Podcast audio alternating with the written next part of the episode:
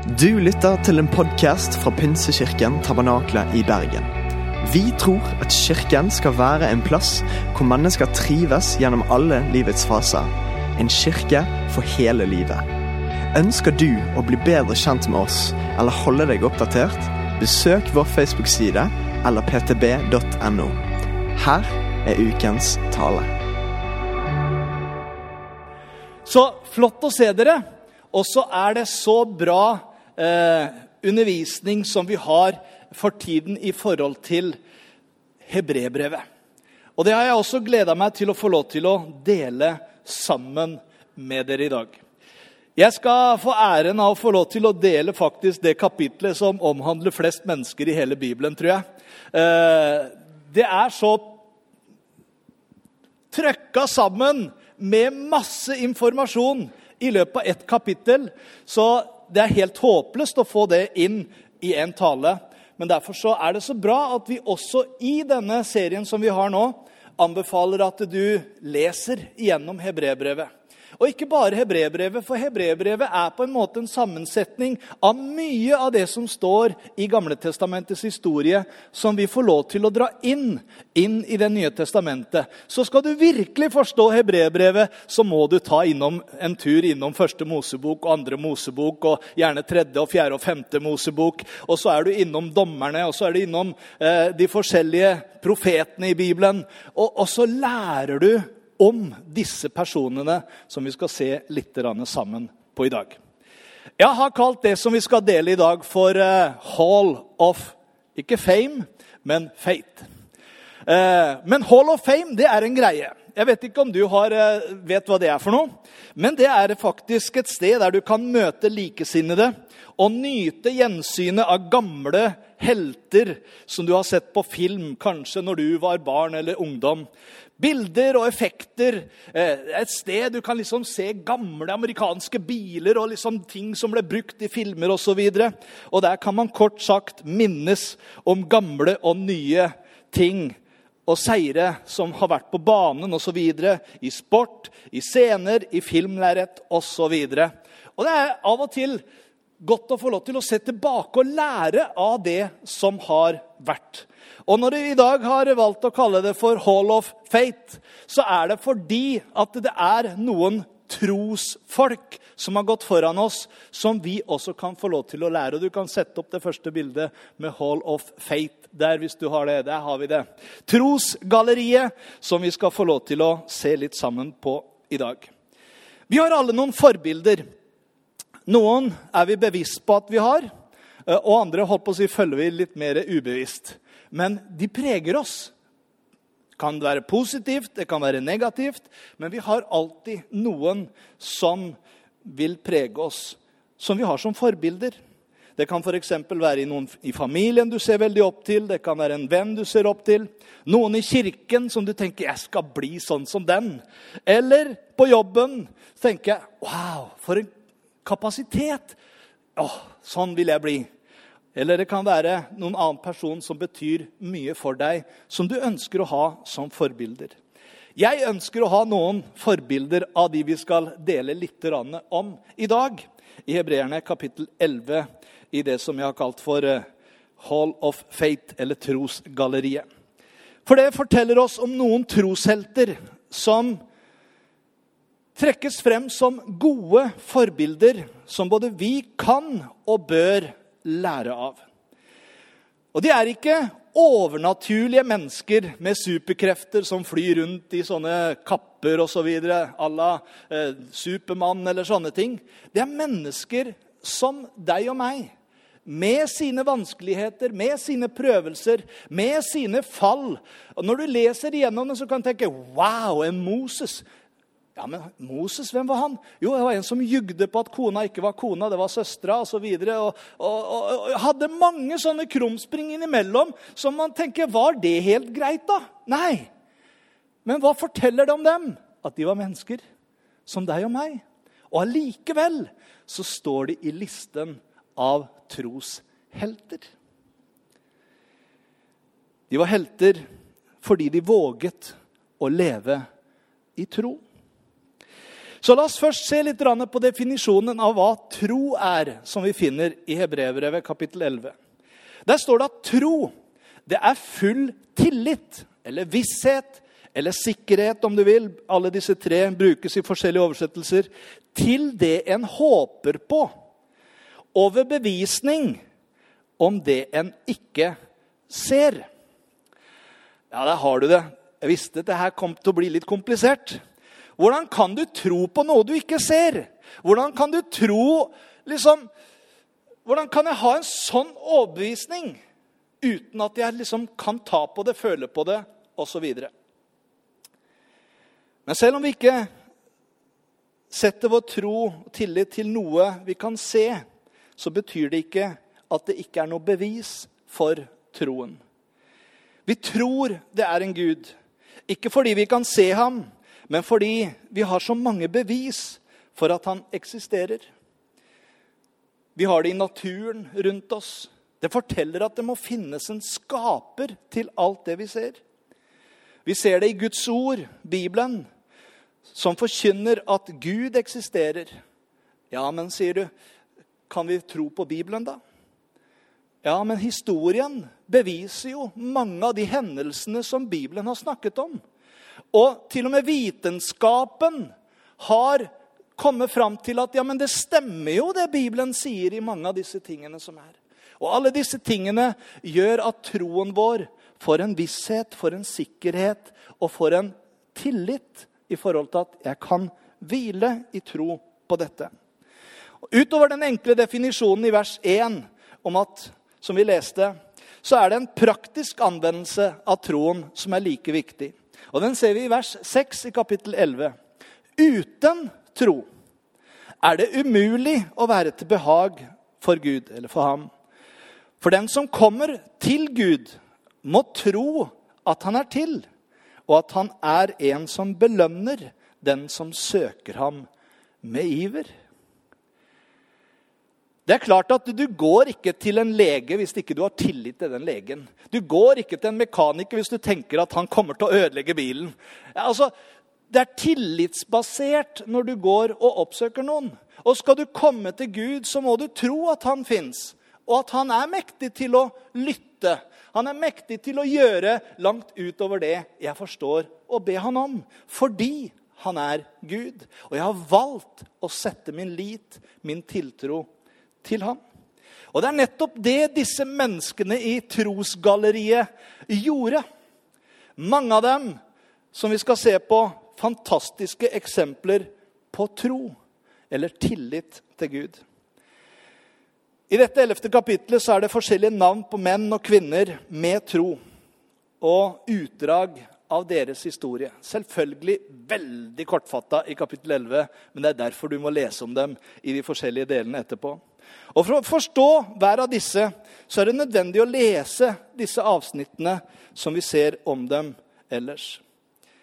Når vi ser på historiene, så vil vi se at det var mange spesifikke handlinger som ble gjort. Og Da er det viktig å se at deres tro var det som produserte disse handlingene, og ikke omvendt. Vi gjør oss ikke fortjent til tro pga. våre handlinger, som er gode. Men gode handlinger er et resultat av min tro og min tillit til Gud.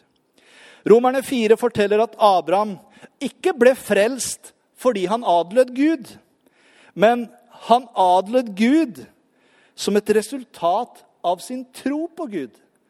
Og det er to forskjellige ting. Og I Jakob kapittel 2 så kan vi lese at han underviser oss, både menn og kvinner, som har tro på Guds løfter, til å vise sin tro i handling. Vis meg din tro. Din, av, uten gjerninger så skal jeg vise deg min tro, sier han. Av mine gjerninger. På grunn av de gjerningene jeg gjør, så viser det at jeg har en tro på Gud. Så hvem er disse trosheltene? Nå må du holde deg fast, for nå kommer det til å gå fort nedover her. altså. Med disse forskjellige, for vi har ikke tid til å stoppe så mye ved hver enkelt av dem. La oss se på listen over personer som har fått plass i dette galleriet, og hvorfor de er hedret med en plass iblant trosheltene i Det gamle testamentet. Først så starter hele vers 2 med 'de eldste fikk godt vitnesbyrd av Gud'. Altså Bare der kunne vi jo stoppa hele dagen. Hvem var disse? Og hvorfor fikk de godt vitnesbyrd av Gud? Jo, fordi de hadde tillit til ham. De fulgte ham, og de hørte på det han sa. Men det starter med en som heter Abel. Abel var sønn til Adam og Eva. Og Adam og Eva, etter at de hadde måttet gå ut av hagen og fellesskapet med Gud, så var det han som bar nærværet av Gud med seg videre. Og allerede der så hadde det kommet et løfte om en som skulle komme som forløser. Og det bildet det Abel gjør, som gjorde at Gud elsket det offeret, var at det var noe profetisk allerede i den første handlingen, når han tar et lyteløst lam, og så slakter han det, og så ofrer han det til ære for Gud. Det peka fram i noe som skulle komme 1800 år kanskje etter dette eller mer. Så ser vi Enok. Det hopper fort her. Enok han ser du litt lenger fram i historien. Og Det var en mann som det ikke står veldig mye om. Men hvis du leser i Judas brev, så vil du se litt av prekenteksten som han hadde. For Judas han refererer til nettopp eh, Enok. Men det som står her, er at han vandret med Gud, og så tok Herren han opp. Jeg tenker, Er det en grunn til å stå blant trosheltene? Ja. Det må ha vært noe spesielt med denne Enok i den tida han levde i ugudelighet, som ikke var lengre etterpå at Noah kom og Gud måtte ødelegge hele jorden og redde Noah og noen få til. Men i dette kaoset av liv som skjedde, så var det en mann som het Enok, som vandret med Gud. Og det å vandre med Gud er ikke sånn liksom, ja, Han vandra med Gud. Men det er et litt dypere betydning når du leser 'å vandre med Gud'. Det betyr han var lydig mot Gud. Han fulgte Gud. Han ønsket å gjøre det Gud kalte han til. Og det han gjorde, det var så bra at Gud tenkte han her skal få slippe å dø. Han bare rykker jeg rett opp i himmelen. Jeg mener, Det er jo ikke så mange av oss som har opplevd, kanskje, eh, eller sett noen som har gjort men han var en av de. Noah han får et kall fra Gud til å gjøre noe som er så sprøtt som å bygge en svær båt som aldri noen hadde sett størrelsen på før. Det hadde jo vært litt klokt hvis det var vann i nærheten av der hvor han var. Men det står at det på den tiden hadde det aldri regnet på jorden. Så Hvor mye vann det var eller ikke, det vet jeg ikke. Eh, men i hvert fall så bygger han en svær båt på et fjell.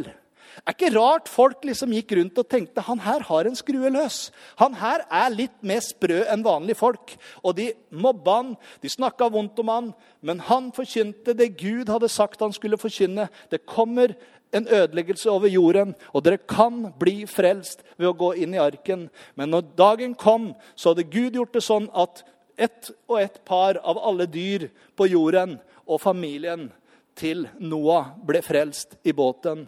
Og så ble jorden ødelagt med vann. Abraham og Sara hopper vi til etterpå det. Abraham han vokste opp på et hedensk sted som eh, ikke trodde på Gud. Som allerede hadde begynt å tilbe og ære solen og månene og stjernene. For det var jo planeter langt der oppe som var, man ikke kunne se. Men han valgte når Gud kaller Abraham. Tenk deg at Gud bare kom og så sier han, nå vil jeg Tobin, at du bare pakker kofferten, og så reiser du til et sted som jeg skal vise deg. Du skal slippe å gjøre akkurat nå, men jeg bare bruker deg som eksempel. Hva hadde vi sagt da? Altså, Det viser meg en tillit til Gud som er litt over det naturlige. Og så reiser Abraham pakker sammen alt han har. De holdt på å si var beduiner, eh, reisende og bodde i telt, så sånn sett så var det jo greit. Eh, og, og, så var det sånn Ja, hvor skal vi? Ja, det skal jeg vise deg etter hvert. Og så begynte vandringen i tro. Han visste ikke hvor han skulle, men han stolte på den Gud som hadde kalt han, at han visste hvor han skulle føre han hen. Og så kommer Gud etterpå så sier han, 'Du skal få en ett som er som stjernene på himmelen' 'og som sanden på havets strand.' Så mange skal dine etterkommere bli. Og han tenkte, hm, 'Spennende.' Men vi har jo ikke noen barn. Og vi begynner jo å bli litt opp i åra. Og Abraham begynte å nærme seg 100, og Sara begynte å nærme seg 90. Så det er ikke rart at når englene kommer og forteller Sara om ett år fra nå av så skal du bli med barn. så står det nettopp det som står. Da lo Sara. Jeg holdt på å si rått. Det hadde vi sagt kanskje. Men hun lo. For hun tenkte jeg har det jo ikke på den måten lenger. Jeg kan ikke få barn. Men så var det noe i det allikevel som tenkte Men Gud, hvis du har sagt det, så tror jeg det. Og Så gjør vi historien kort pga. tida. Et år etterpå så kommer Isak. Og Så vokser han opp, og så blir han løftesønnen som Gud skal skape en generasjon av, som skal bli hans folk, hans ett. Så blir han oppe i kanskje 10-12-årsalderen, og så sier plutselig kommer Gud på besøk igjen til Abraham og sier nå vil jeg at du skal ta Isak med deg opp på Moria fjell. Og der skal du ofre han som et offer til meg. Da må nok Abraham ha lurt, for det var ikke sånn han kjente Gud. Gud drev liksom ikke med menneskeofringer og sånne ting. Det hadde han aldri hørt noe om. Men samtidig så var det noe i dette at han tenkte Gud er det viktigste i mitt liv. Så hvis Gud har bedt meg om det, så har han vel en plan på det. Og planen til Abraham var hvis jeg må gjøre det, så vet jeg at Gud er så sterk og så god, og jeg har sånn tiltro til ham at hvis jeg må ta livet av min egen sønn, så vet jeg at Gud er mektig til å reise han opp igjen fra de døde. Da tenker jeg, da har du veldig bra tillit til Gud. Og det var nettopp det som skjedde. Gud ønska ikke livet av Isak, men han ville vite hvor er Abrahams tiltro til meg.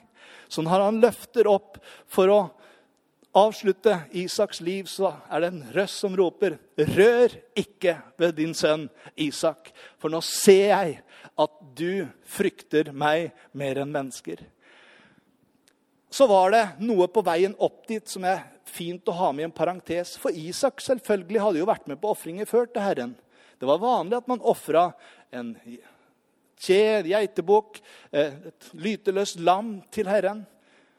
Så når de er på vei oppover for å ofre, så sier Isak, 'Her er veden, og her er ilden.' 'Men hvor er offeret hen, pappa?'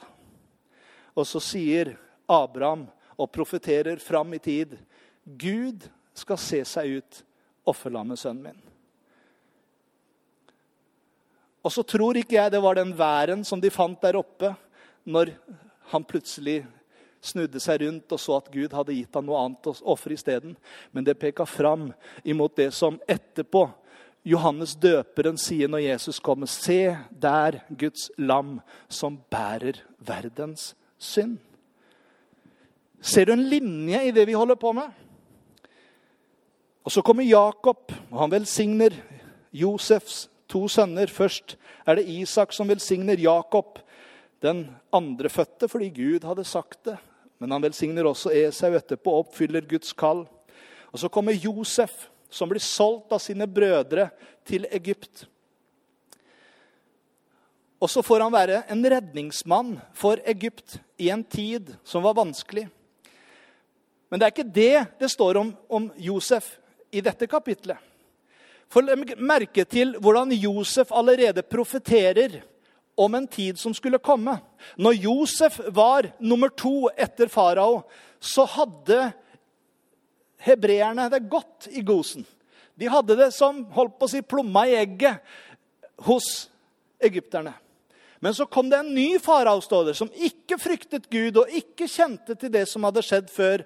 Og han gjorde dette folket, som vokste voldsomt i kraft og mengde, til slaver. Men det var før Josef gjør det han gjør her. Når han sender beskjed, så sier han den dagen når dere skal utvandre fra Egypt til det landet som Gud har lovt å gi oss gjennom Abraham, Isak og Jakob, så vil jeg at dere skal grave opp mine ben og ta det med dere dit. Er ikke det en sånn profetisk handling, så vet ikke jeg. Han visste allerede det her kommer. Det er bare tidsspørsmål når. Men så går det litt tid, og så tenker man kanskje ja, men når skal dette skje? Og så kommer du til Moses' foreldre først i rekken av troshelter. Det var sånn at Farao hadde bestemt at alle guttebarn skulle tas livet av fordi de vokste så voldsomt. Men der er det faktisk to som eh, utfører sivil ulydighet og sier Gud har en plan med dette barnet. Og legger det ut på Nilen i en liten holdt på å si balsa-kurv. Og den finner faraos datter. Så vokser Moses opp i faraos hus, er førstemann der sammen med sønn til farao. For å vokse opp, all kunnskap, all læring. Men så havner han etter hvert i uføre ved at han dreper én. Han skjønner dette, mitt folk lider. Og så må han flykte til ørkenen. Er der i 40 år. Jeg delte dette med ungdommene på fredag. Og der er han sauebonde, holdt jeg på å si, i 40 år. Jeg sa til eh, ungdommene her at det er ikke så veldig stor forskjell å være sauebonde i 40 år og det å være pastor for en menighet i 40 år. Det er omtrent samme greiene. Ja, du, du, du skjønner du etterpå, for at den treninga han fikk der i ørkenen med sauene sine, det ga han den tålmodigheten han trengte til å lede Guds folk ut av Egypt, som er det neste som vi ser også iblant disse trosheltene. Og han får faktisk vitnesbyrd i Bibelen å være den mest tålmodige mann. Ingen dårlig skussmål. Så ser du videre etterpå hvordan han gir stafettpinnen videre. Det er masse historie imellom her. Men du ser inntoget i Jeriko med Josva. Du ser en skjøge, en horkvinne, Rahab, som plutselig havner i trosgalleriet. Hvorfor det? Fordi hun tok imot speiderne og sa vi vet at deres Gud har gitt dere landet. Og den dagen når dere kommer og inntar det, så tenk på oss. Og så gjorde de det. Og så har du igjen et bilde der med den røde snora, som er et bilde på en forsoning som skulle komme også. Så når de inntar byen, så står bare deres hus, og alle som var i det huset, ble frelst. Det Handler om en redning. Og hva skal vi med si? Ja, det må vi bare si. Tiden ville ikke strekke til, og det gjør jo ikke min preken heller. Eh, om vi skulle fortelle om Gideon og Barak og Samson og Jefta og David og Samuel og profetene og mange, mange, mange flere. Ved tro beseiret de kongeriker, utøvde rettferdighet, fikk løftene oppfylt, stoppet gapet på løver, slokket sterk ild, unnslapp sverdets egg, ble sterke etter svakhet, ble tapre i kamp, djerve, eh, drev de fremmede hærer på flukt. Kvinner fikk igjen sine døde ved oppstandelse. Må, du må inn og lese hva det, det, var for noe. Andre ble torturert, spottet, pisket, ja, fengslet, steinet, saget i to. Ble fristet og slått i hjel med sverd. De flakket omkring i saueskinn og geiteskinn. De led nød, ble plaget og pint, og denne verden var dem ikke verd. De flakket omkring i ørkenen og i fjellene, i hulene og jordens grotter osv. Men hva var det de lengta etter? Hva var det de hadde sett? Jo, de hadde sett noe der framme. Alle disse trosheltene. For det er egentlig på en måte litt fallitterklæring når du leser slutten av Hebreerne 11. Så står det at alle disse trodde, men de kom ikke inn i det de hadde trodd. Så hva var det de hadde trodd, og hva var det de hadde sett, som de ikke fikk være en del av? Jo, hebreernes forfatter sier Gud ville ikke at de skulle få dette før oss. Hva er det de ikke skulle få før oss? Jo, løftet om en forløser.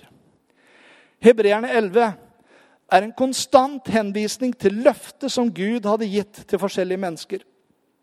Det første løftet det ble gitt i første Mosebok 3,15. Gud lovet at det ville være en forløser som ville komme og redde menneskeheten fra straffen for deres synd. Dette løftet ble opprinnelig gitt til Eva da Gud sa at fra hennes ett kom forløseren, en frelser. Og Gjennom hele Bibelen så ga Gud mer detaljer for hvem forløseren skulle være, og hvor han ville komme fra. Og den lovede forløseren ble senere definert som en som skulle komme fra Abrahams slekt, spesielt gjennom Isais linje og deretter gjennom Davids hus. Og etter at disse sterke, store historiene om tro forteller vers 39 oss at disse personene aldri mottok løftet fysisk selv. Det løftet var den fremtidige forløseren, frelseren og Messias, Jesus Kristus. Det står i vers 39 og 40.: Og alle disse, selv om de fikk godt vitnesbyrd ved troen, fikk ikke se oppfyllelsen av løftet, for Gud hadde på forhånd utsett noe bedre for vår skyld, for at ikke de skulle bli fullendt uten oss. De så ikke dagen for hans komme. Imidlertid ble deres tro på den lovede forløseren regnet dem for frelse. Og Deres tro var på noe, noe de aldri så, men det betyr ikke at deres tro var forgjeves. De trodde Gud for det han hadde lovet. Og selv om vi ikke kan se Jesus Kristus vandre iblant oss i dag, så kan vi motta løftet på samme måte som Det gamle testamentets troende gjorde ved tro. Vi ser ikke frem til den fremtidige løftet om en frelser. Men vi kan se tilbake på at det som er skrevet, det ble oppfylt da Jesus kom. Og Hvert av eksemplene på trosheltene i hebreerbrevet peker tilbake til originalhistorien i Gamle Testamentet, men også fram til vår egen tid og enda lenger fram. Vi står nemlig i en stor sammenheng som trekker oss inn i historien. Og Til alle tider så har det vært mennesker som trodde på Gud, tok ham på alvor, stolte på løftene og satset på at dette var sannheten. I hver av disse menneskenes historie så blir troen fulgt opp av konkret action. Det sitter ikke stille og tror, men troen fører alltid med seg bevegelse og handling. Å leve i tro er å handle i tro. Og det høres kanskje veldig helteaktig ut. Nei, det gjør ikke kanskje det. Men det er det som er viktig. Tenk litt over det. Noah som bygde denne båten på land, en gigantisk båt. Den var jo altfor stor til å kunne flyttes på. Og det virket jo helt idiotisk prosjekt. Men han hadde fått en varsel om det som ennå ikke var synlig. Og når Abraham drar av sted, så drar han også til noe som ennå ikke var synlig. Men vi kan lese det i ettertid og se at det Gud hadde lovt, det gjorde han.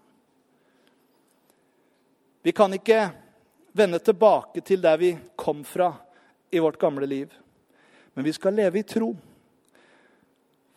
For vi har også fått åpenbart gjennom Bibelen det som ennå ikke er synlig. Kanskje det betyr at vi av og til blir sett på som noen raringer fordi vi er kristne. Og jeg tror at vi kommer til å oppleve det mer og mer. At folk kommer til å si disse raringene som har en sånn tro. Med utholdenhet skal vi fullføre løpet. Med blikket festa på Jesus på det løftet som vi har fått, det som ligger foran oss. Ja, Jesus holdt ut på korset uten å bry seg om skammen, står det. Ja, tenk på ham som holdt ut en slik motstand fra syndere, så dere ikke skal bli trette og motløse. Når Jesus går igjennom det han gjør, så står det på grunn av den gleden han hadde i vente, så tålte han det han gjorde.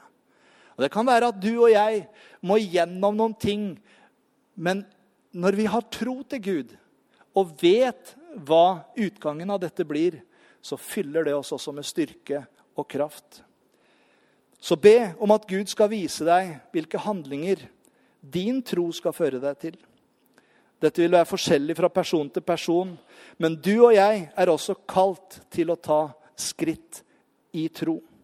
Og sammen med Guds folk til alle tider, både de som levde før, og de som vil komme etter oss, skal vi få vente, håpe og satse livet vårt på at evangeliet er sant, at Jesus lever, og at han er den eneste veien til Gud. Vi skal avslutte med Hebreerne kapittel 12 og vers 1-3. Derfor skal også vi, siden vi er omgitt av en så stor sky av vitner, legge av oss byrden av synden som så lett fanger oss, og løpe med utholdenhet i det løpet som er lagt foran oss, mens vi ser på Jesus, troens opphavsmann og fullender. På grunn av den glede som han var lagt foran ham, utholdt han korset, aktet ikke på skammen, og har nå satt seg ved høyre side av Guds trone. Se på ham som holdt ut en slik motsigelse fra syndere, for at dere ikke skal bli trette og motløse i deres sjeler. Det er akkurat som jeg ser et bilde fra en sportsarena. Og I disse dager så ser vi jo litt på VM og eh, det vi savner. Jeg vet ikke hva du savner der. Løperne er der, skibakkene er der. Men det mangler noe. Det er heiagjengen. Det er publikum. Og hva er det de gjør? Jo, de heier deg fram. De heier deg fram. Der står tidligere skiløpere, der står trenere. Der står de som har gått foran og bana vei og åpna vei for at andre i dag skal få lov til å gjøre det samme. Og hva gjør de? Jo, de heier, sier 'stå på', du greier det, du når målet. Og det er akkurat som når vi går inn i det tolvte kapittelet i, i eh, Hebreerne, så er det akkurat som du ser denne tribunen av folk. De står der. Abraham står der, Moses står der, Jakob står der. Alle sammen står der og sier, 'Stå på! Ta deres etappe! Dere er snart i mål! Dere greier det, dere også!' Og så heier de oss fram. Når vi har en så stor sky av vitner, ja, så la oss legge av det som tynger. Jeg vet ikke om du har sett noen skiløpere liksom ta med seg verstingsekken, sånn som på 71 grader nord. Eh, jeg skjønner ikke at de greier å bære så mye av og til. Men jeg har aldri sett noen sånne når de skal vinne liksom 15 km på ski. At de tar med seg pikkpakk, og der har de sovepose og der har de alt mulig. Nei, de kaster av seg alt som tynger. Holdt på å si, Det er bare så vidt den veier noe, den trikoten de har på seg. Hvorfor det? Jo, for det skal ikke være noe som tynger for at de skal kunne nå først i mål. Og Det er dette bildet som han bruker her. Det er så mange ting som vi kan tenke ja, men det er jo ikke synd, og det er jo ikke synd. Nei, men kanskje det er en byrde som er unødvendig for deg å bære, som gjør at det vil hindre deg i å nå fram. Så la oss legge av oss det som tynger, sier han her. Og med frimodighet løpe i det løpet som vi har foran oss. Skal vi stå opp?